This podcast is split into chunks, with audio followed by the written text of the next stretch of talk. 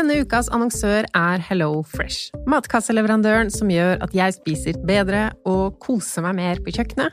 Bruker også mindre tid på planlegging og handling av mat. Altså, jeg hadde ekstrem sparemåned igjen i februar, frossenfebruar. Skulle bruke minimalt med penger på mat. Spiste gamle greier fra fryser og matskap. Det jeg savnet aller mest i februar, hvor jeg kutta alt til liksom beinet, det var Hello Fresh ingen matkasser som kom eh, på døra, så nå i mars nyter jeg middagene enda mer. Jeg går inn i appen, velger de fem rettene jeg vil ha. Du kan velge mellom tre, fire eller fem retter hver uke til to eller fire personer. Og det er 25 ulike retter å velge mellom hver uke.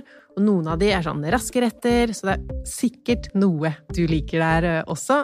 Gode middager levert på døra. Abonnementet er sånn at du når som helst kan hoppe over en uke, eller flere, sånn som jeg gjorde nå nettopp, og så kan du justere ned og opp hver eneste uke hvor mange retter og hvor mange porsjoner. Gå inn på hellofresh.no og bruk koden FRESHPENGE. Da kan du få opptil 1779 kroner rabatt på de fem første matkassene dine hvis du ikke har prøvd Hello Fresh enda. Du kan også bruke rabatten hvis du har vært kunde, men stoppa abonnementet ditt for tolv måneder siden eller mer. Gå inn på hellofresh.no. Har du et enkeltpersonforetak eller en liten bedrift? Da er du sikkert lei av å høre meg snakke om hvor enkelt det er å levere skattemeldingen med fiken, så vi eh, gir oss her. Fordi vi liker enkelt. Fiken superenkelt regnskap.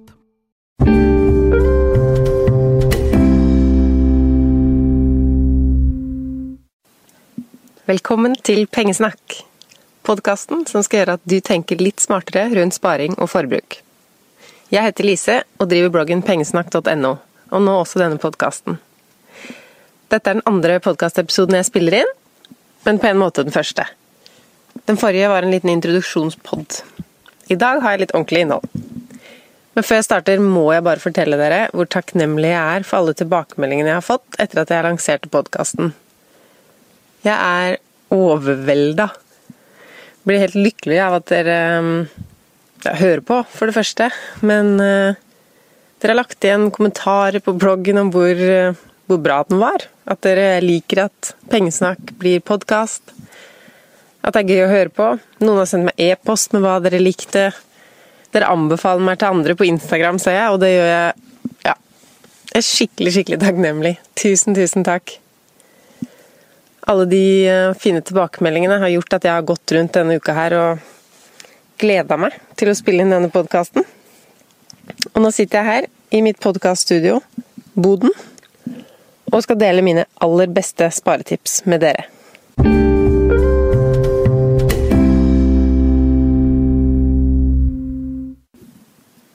Og det aller første sparetipset må jeg bare dele med en gang, før jeg glemmer det. Og det er kanskje noe av det viktigste også. Ikke sammenlign deg med andre. Bruk penger på dine greier. Ikke hva du tenker at du burde ha, eller hva, hva andre folk er opptatt av. Det er, eh, det er du som skal leve med de valgene du tar nå videre. Så jo før, jo heller. Bare slutt å kjøpe det de andre kjøper. Du trenger ikke en ugly Christmas sweater. Med mindre du syns det er veldig morsomt, da. Så la være. Det sparer du penger på. Og får det bedre med deg selv.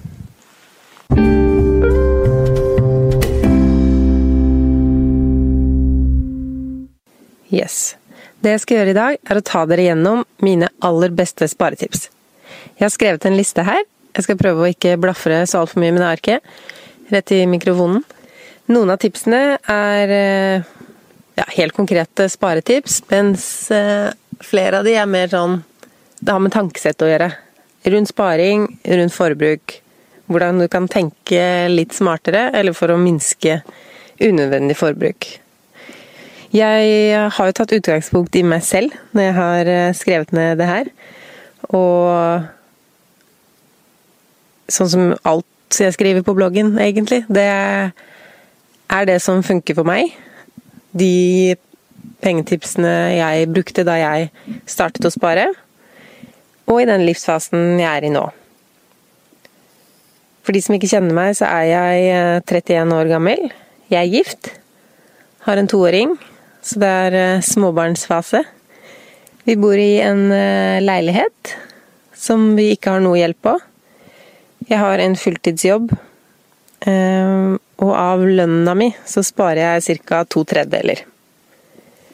Lever et helt supert liv med lavt forbruk. Og de tipsene jeg skal dele med deg i dag, er det som har gjort det mulig for meg å spare så mye som jeg gjør. Så jeg håper du også vil få noe ut av dem.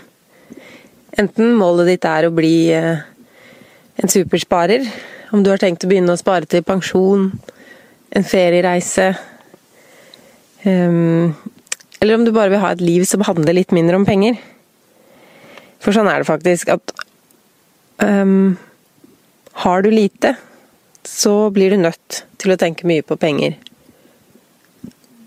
Har du et forbruk som er godt under det du får inn hver måned, så trenger du ikke å tenke så mye på penger i hverdagen. Og det er veldig deilig.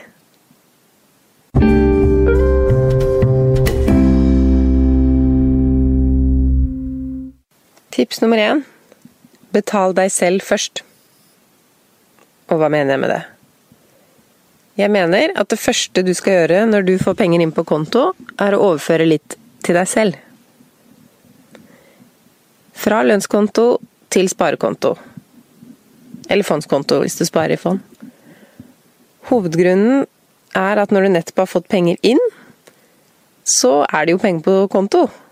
Da har du noe å spare.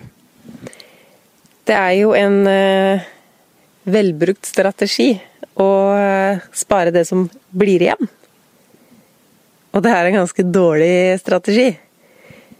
For hvis du skal spare det som blir igjen av lønna på slutten av måneden, har du to problemer. Mest sannsynlig. For det første så er det ikke sikkert det er noen penger igjen. For det andre kan det hende du glemmer å spare det du hadde igjen, over på sparekontoen og lar det stå på brukskonto. Det blir lite action på sparekontoen av det. Eh, da bruker de de kanskje neste måned. Så dette tipset er eh, todelt. For det første, spar når pengene kommer inn. Jeg eh, kjører på med dagen etter lønning.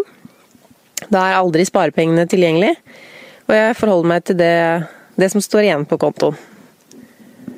Den andre delen av tipset er at det skal være automatisk. Det skal ikke være noe jeg må huske på hver lønningsdag og jippi, lønning, nå skal jeg gå inn og spare. Det hadde for så vidt gått fint for meg, for det er den det, Sånn er jeg, da. Um, men et autotrekk i nettbanken fra brukskonto til sparekonto er kjempelurt. Da sikrer du at du faktisk får spart hver eneste måneden, uten at du trenger å komme på noe eller gjøre det faktisk. Dette sparetipset har aller størst effekt, tror jeg, for de som ikke tror de har råd til å spare, eller de som uh, sier at de ikke aner hvor pengene blir av. De bare flyr. Den sistnevnte gruppen kan jo bare begynne å spare alt, tenker jeg, da det ikke virker som de får så veldig mye ut av måten, måten de bruker eh, pengene sine på i dag. Og de som ikke tror de har råd til å spare, hva skjer hvis det på lønnsslippen en måned står 400 kroner mindre enn vanlig? Da blir man nødt til å justere ned forbruket med 400 kroner. Går det fint? Ja, da kan du spare 400 kroner i måneden. Med en gang penger kommer inn. Det som er så fint også med sånn automatisk sparing, er at du kan eh, regne. For matte er jo gøy. Og du kan regne på hvor lang tid det vil ta deg å nå målet ditt hvis du har et fast beløp du sparer hver måned. Det er hvis du har et mål, da. Jeg mener jo at det er helt supert å spare uten mål og mening. Det vil jo alltid komme noe å bruke penger på. Det er jeg ikke veldig bekymra for. Så du trenger ikke å vente på en konkret drøm før du begynner å spare. Det er bedre å ha starta litt før, så du har et beløp allerede når, du, når drømmen kommer. Men selv uten et eh, konkret mål, så er det veldig gøy å følge med på at sparepengene vokser. Um, hvis du sparer 500 kroner av desemberlønna di nå, da, øker beløpet til 1000 over nyttår, har du allerede før sommeren 5000-6000 kroner, og sparer du dem helt til jul, så har du 12 12 500 kroner. Og har du et helt konkret mål, så er det også gøy å regne på hvor mye raskere du kan nå målet hvis du begynner å spare litt mer. Eh, hvor mye lengre tid det tar å nå målet hvis du sparer mindre. Sånne ting. Eh, så det anbefaler jeg. Sette opp eh, måla dine og se hvor mange måneder med sparing det tilsvarer. Hvis det er første gang du sparer fast, så er det kanskje fint å starte med et lavt beløp. Du sparer litt, og så ser du om du klarer deg helt fint på det som er igjen på lønnskontoen etter dette autotrekket. Når det går helt fint, så kan du øke sparebeløpet og se at sparekontoen din vokser enda raskere. Det er gøy.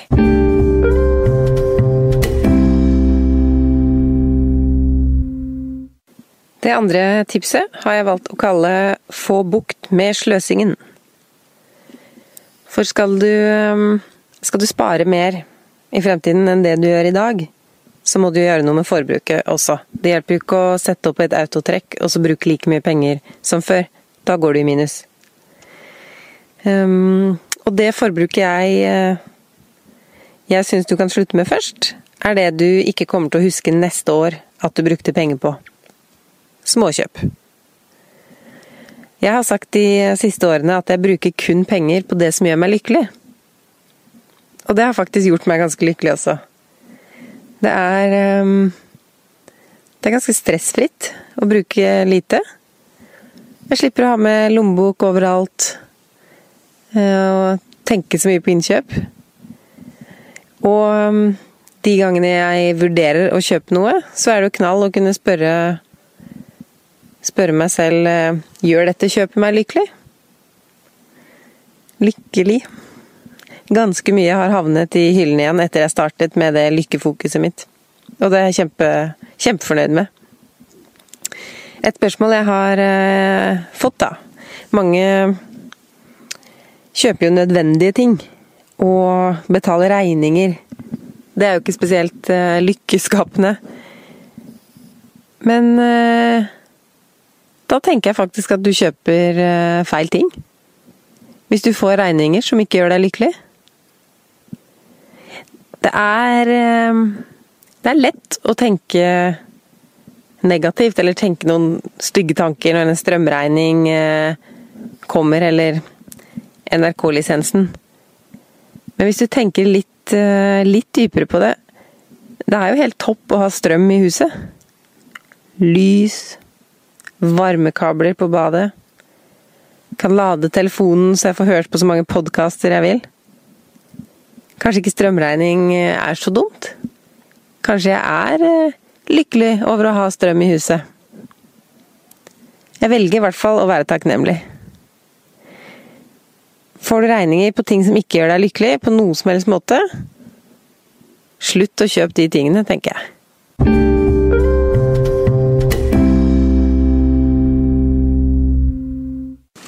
Hvis du er en mer eh, konkret type, og ikke har eh, som mål å være så himla lykkelig og takknemlig hele tiden, har jeg et tips til deg også. Et tips du kan bruke i sånn kjøpsøyeblikk-sammenheng.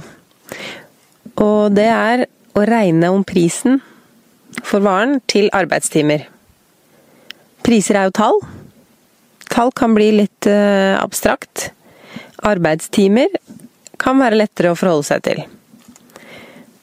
Men for å bruke denne metoden, så må du vite hva du får eh, utbetalt i lønn for en arbeidstime. Eller en arbeidsdag.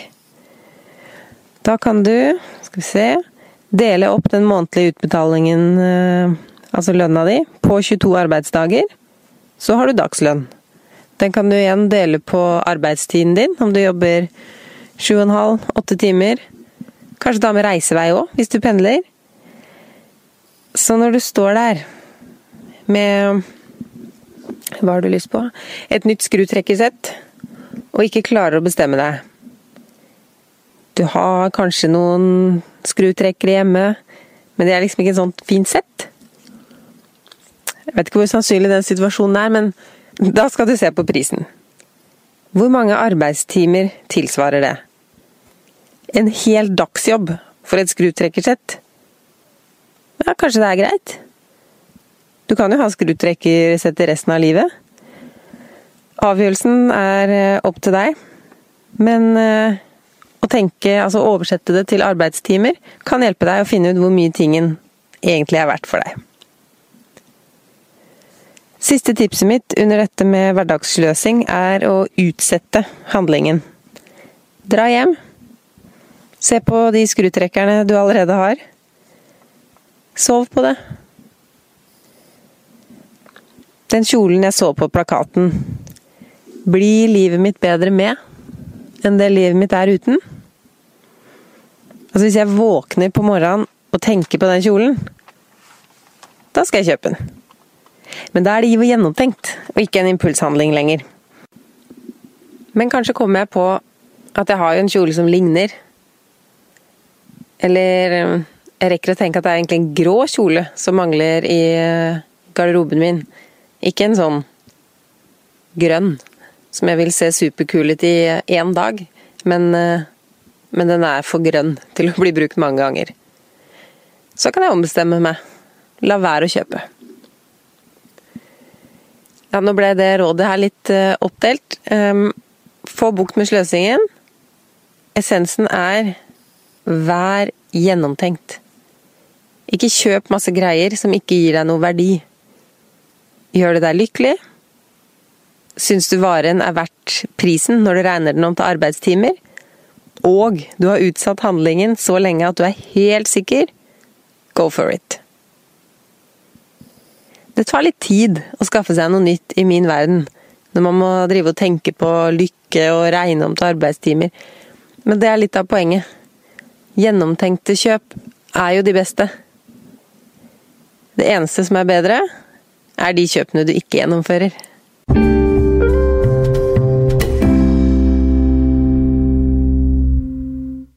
Det var de to første, og de største rådene også.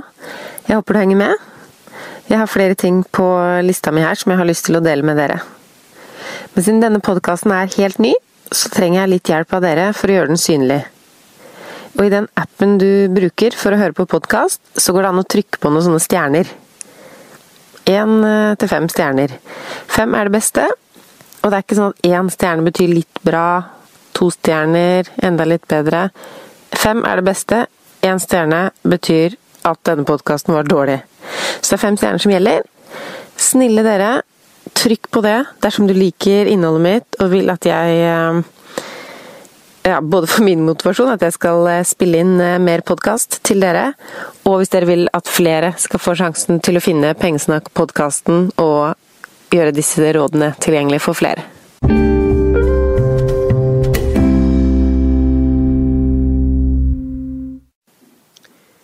Det tredje sparetipset mitt er å kjøpe brukt. Supertips både for miljø og lommebok. Jeg eh, kjøper det jeg kan brukt, jeg.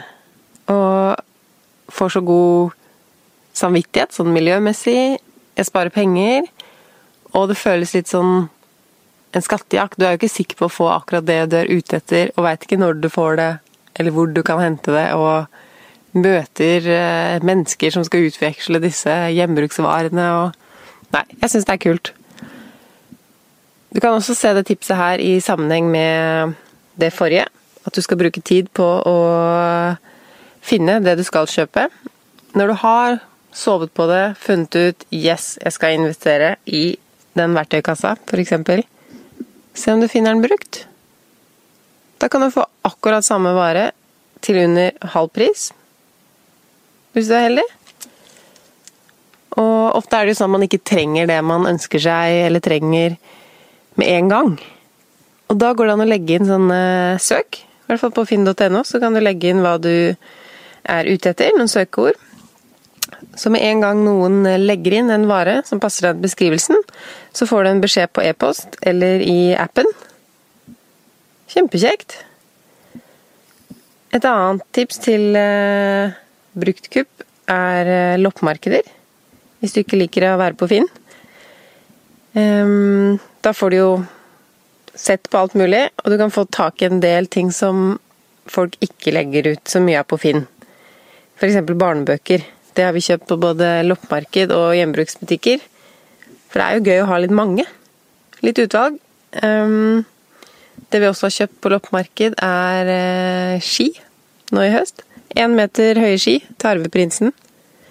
Det er jo klart at han ikke skal ha noen uh, nye ski, som er to år og sikkert skal gå 200 meter maks på disse skiene. Ellers er ikke jeg noe loppisekspert, sånn egentlig, men basert på hvor store køer og hvor raskt folk løper inn på disse loppemarkedene når de åpner Det må være penger å spare der inne, tenker jeg, for de som veit hva de er ute etter. Men et tips kan også være faktisk å gå dit siste timen. Siste timen loppemarkedet er åpent. Da er det posesalg på klær og bøker som regel. Og når det gjelder klær, så er det også egne butikker med gjenbruksklær. Fretex, Uff, andre gjenbruksbutikker. Og så er det denne appen eh, Tice. På den appen så er det privatpersoner som legger ut sine egne klær både vintage-skatter og helt eh, vanlige klær som de ikke har lyst på lenger, eh, til videresalg. Så da kan du scrolle rundt akkurat som på en eh, Instagram og kjøpe andres klær. Og til sist så er det disse Facebook-gruppene. Det finnes utallige kjøp, salg og gi bort-grupper. Bare søk på kjøp, salg og gi bort og så ditt by, fylke, kommune. Det fins massevis. Um, jeg er med i noen grupper som går helt spesifikt på en kategori av ting. Altså mange er geografiske, men noen er på akkurat hvilken vare som selges. På barneklær så er det nede på merkenavn. Altså i den gruppen her selger vi bare det til hverandre. Eh, og der inne trenger dere ikke å vente på at noen skal legge ut akkurat det du er ute etter. Du kan uh, spørre noen som selger uh, skrutrekkersett her. Eller den grønne kjolen i uh, min størrelse. Det neste tipset har jeg valgt å kalle 'du må ikke makse alt'. Og det handler for meg om å kunne bruke penger, kose deg av og til, så klart, men at det går an å holde litt hardt på lommeboka.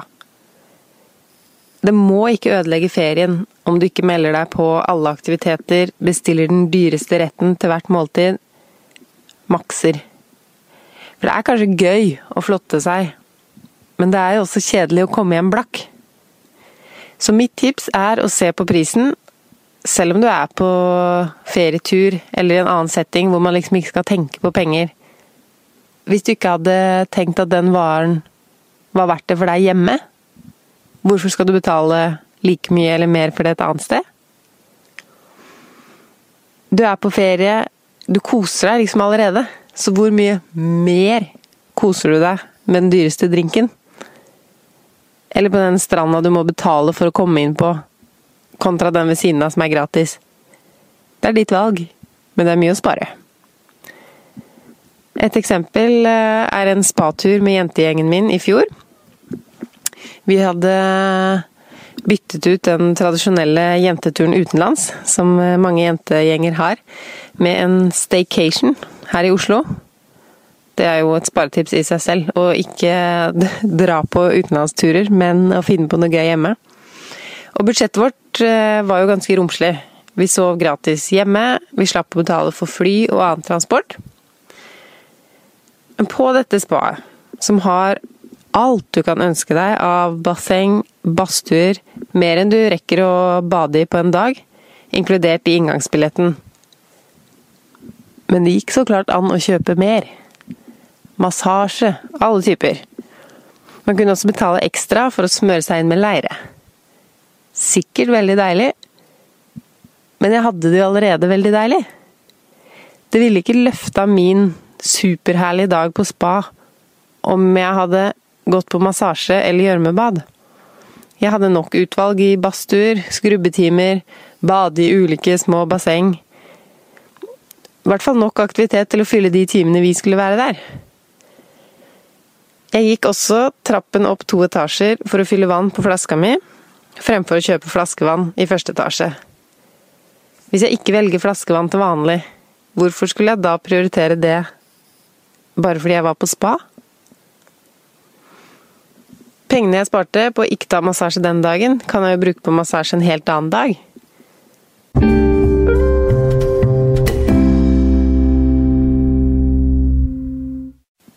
Sparetips nummer fem Vær klar over og klar på dine prioriteringer. Hva er du opptatt av? Hva liker du å gjøre? Hvordan vil du ha det? Hva har du ikke lyst til å bruke penger på? Spørsmål man kan stille seg for å bli mer eh, bevisst sin egen pengebruk, og rette pengene der, eh, der de burde brukes.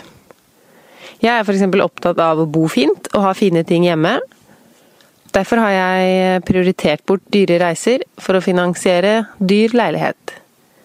Jeg prioriterer også ny lampe foran flotte middager ute.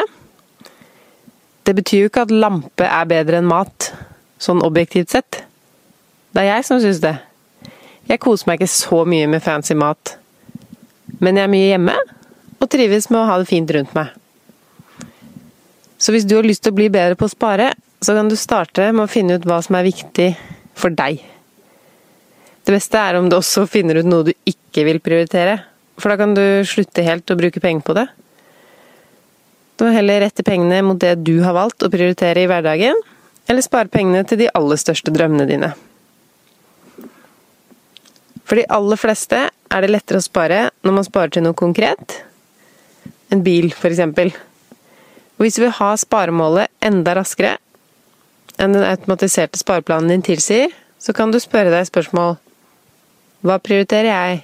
Bil eller genser? Bil eller øl? Det handler om det jeg fortalte dere om helt i starten, egentlig. Ikke sammenlign deg med andre. La dine prioriteringer styre hva du skal bruke penger på. Og si det gjerne på den måten også, istedenfor å si 'jeg har ikke råd til å være med på konsert', jeg så kan du si 'jeg prioriterer det ikke'. Jeg er ikke så opptatt av musikk generelt, eller den artisten. Og når du skal gjøre noe, nyter du det enda mer. Jeg har prioritert det her, jeg. Dette er min massasje. Jeg har gleda meg, og jeg skal virkelig kose meg.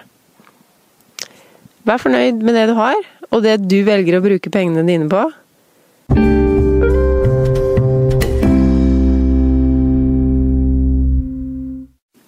Sparetips nummer seks bli med i Team Matpakke. Dette rådet trenger nok ikke noen kjempelang forklaring. Slutt å bruke penger på dyr kantinemat. Så fremt ikke dyr kantinemat er på din liste da, over hva du eh, prioriterer. Det kan jo hende. Men hvis du ikke er en av de som prioriterer dyr kantinemat, eller har en veldig billig kantineordning, ta med matpakke. Restemat eller brødskiver. Du bestemmer. Pålegg eller salat. Det er så mange lunsjer i løpet av året, eller i løpet av arbeidslivet, at de summene man kan spare på å ha med matpakke, er ordentlig store. Enkelt er det jo også. Spesielt når du har kommet inn i rytmen. Og for meg, nå som jeg har barn i barnehage som også skal ha matpakke, så er det jo veldig enkelt å bare smøre en til. At han eh, har begynt å stå opp veldig tidlig, gir meg også tid til å koke egg, f.eks. Lage noe eh, ordentlig godt i matpakka. Mange dager tar jeg bare med brødskiver, en boks makrell i tomat. Enkelt, godt, billig. Men det er ikke bare til lunsj på jobb du skal ta med matpakke. Er du ordentlig Team Matpakke, så har du med matpakker ut på tur og da mener jeg ikke bare sånn ute på ordentlig skitur eller eh, noe skogsgreier. En helt vanlig eh, tur ut. Spesielt for de med barn, kanskje. Ha med fruktbiter, brødskiver. Alt som gjør at vi holder oss unna bensinstasjoner og kafeer. Med mindre vi har som mål å skulle dra på et bakeri, da. Det er jo også en prioritering vi gjør når vi skal kose oss. Men eh, å unngå alle de småkjøpene fordi vi blir eh, sultne, har mye å si på eh, månedsbudsjettet. Et sparetips i seg selv er jo å ha brødbakemaskin. Det er ikke bare sparetips, det er et um, Jeg får liksom ikke forklart hvor, uh, hvor bra det er. Uh, tenk deg at du våkner opp til duften av nystekt brød.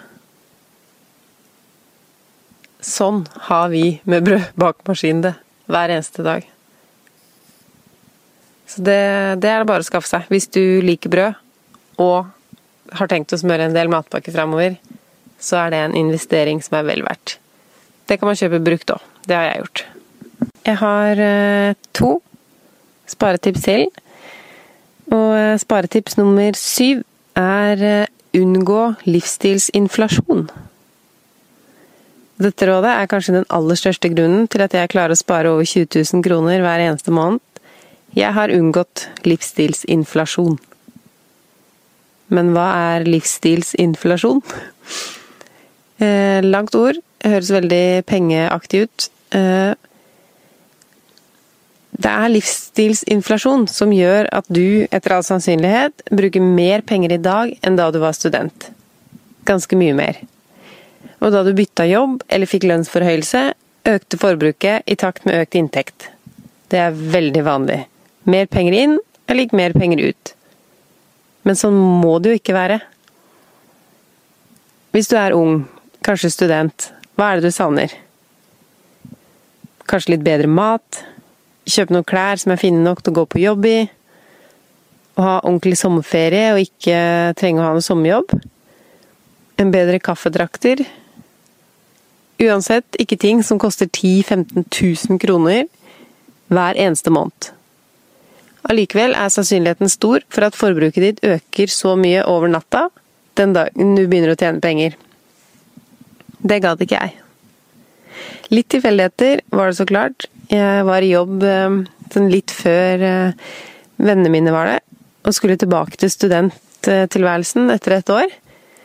Så at folk rundt meg fortsatt var fattige studenter, og at jeg selv skulle bli det igjen, gjorde at jeg holdt forbruket mitt nede.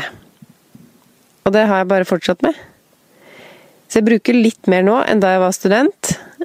Ikke så mye, faktisk. Og det lever jeg helt fint med.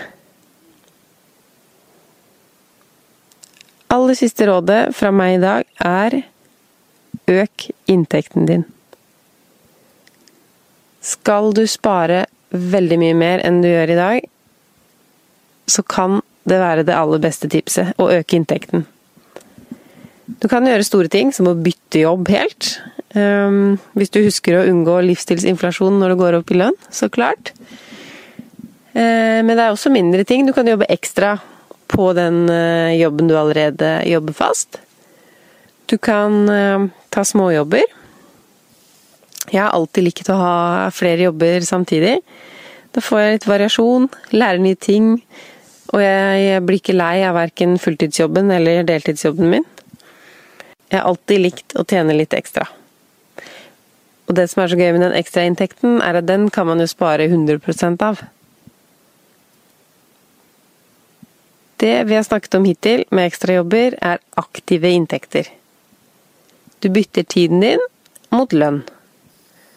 Skal du virkelig få fart på sparinga og bli rik, så er passive inntekter det aller, aller beste. Passive inntekter er der du ikke trenger å gjøre noe for å få eh, pengene til å renne inn. Det må vi snakke mer om i en annen episode, merker jeg. Nå skal vi bare gå sånn kjapt gjennom eh, alt som vi har eh, snakket om i dag. 1. Betal deg selv først. 2. Få bukt med sløsingen. 3. Kjøp brukt. 4. Du må ikke makse alt. Fem. Vær klar over og klar på prioriteringene dine. Seks. Bli med i Team Matpakke. Syv. Unngå livsstilsinflasjon. Åtte. Jobb ekstra og økt inntekten din.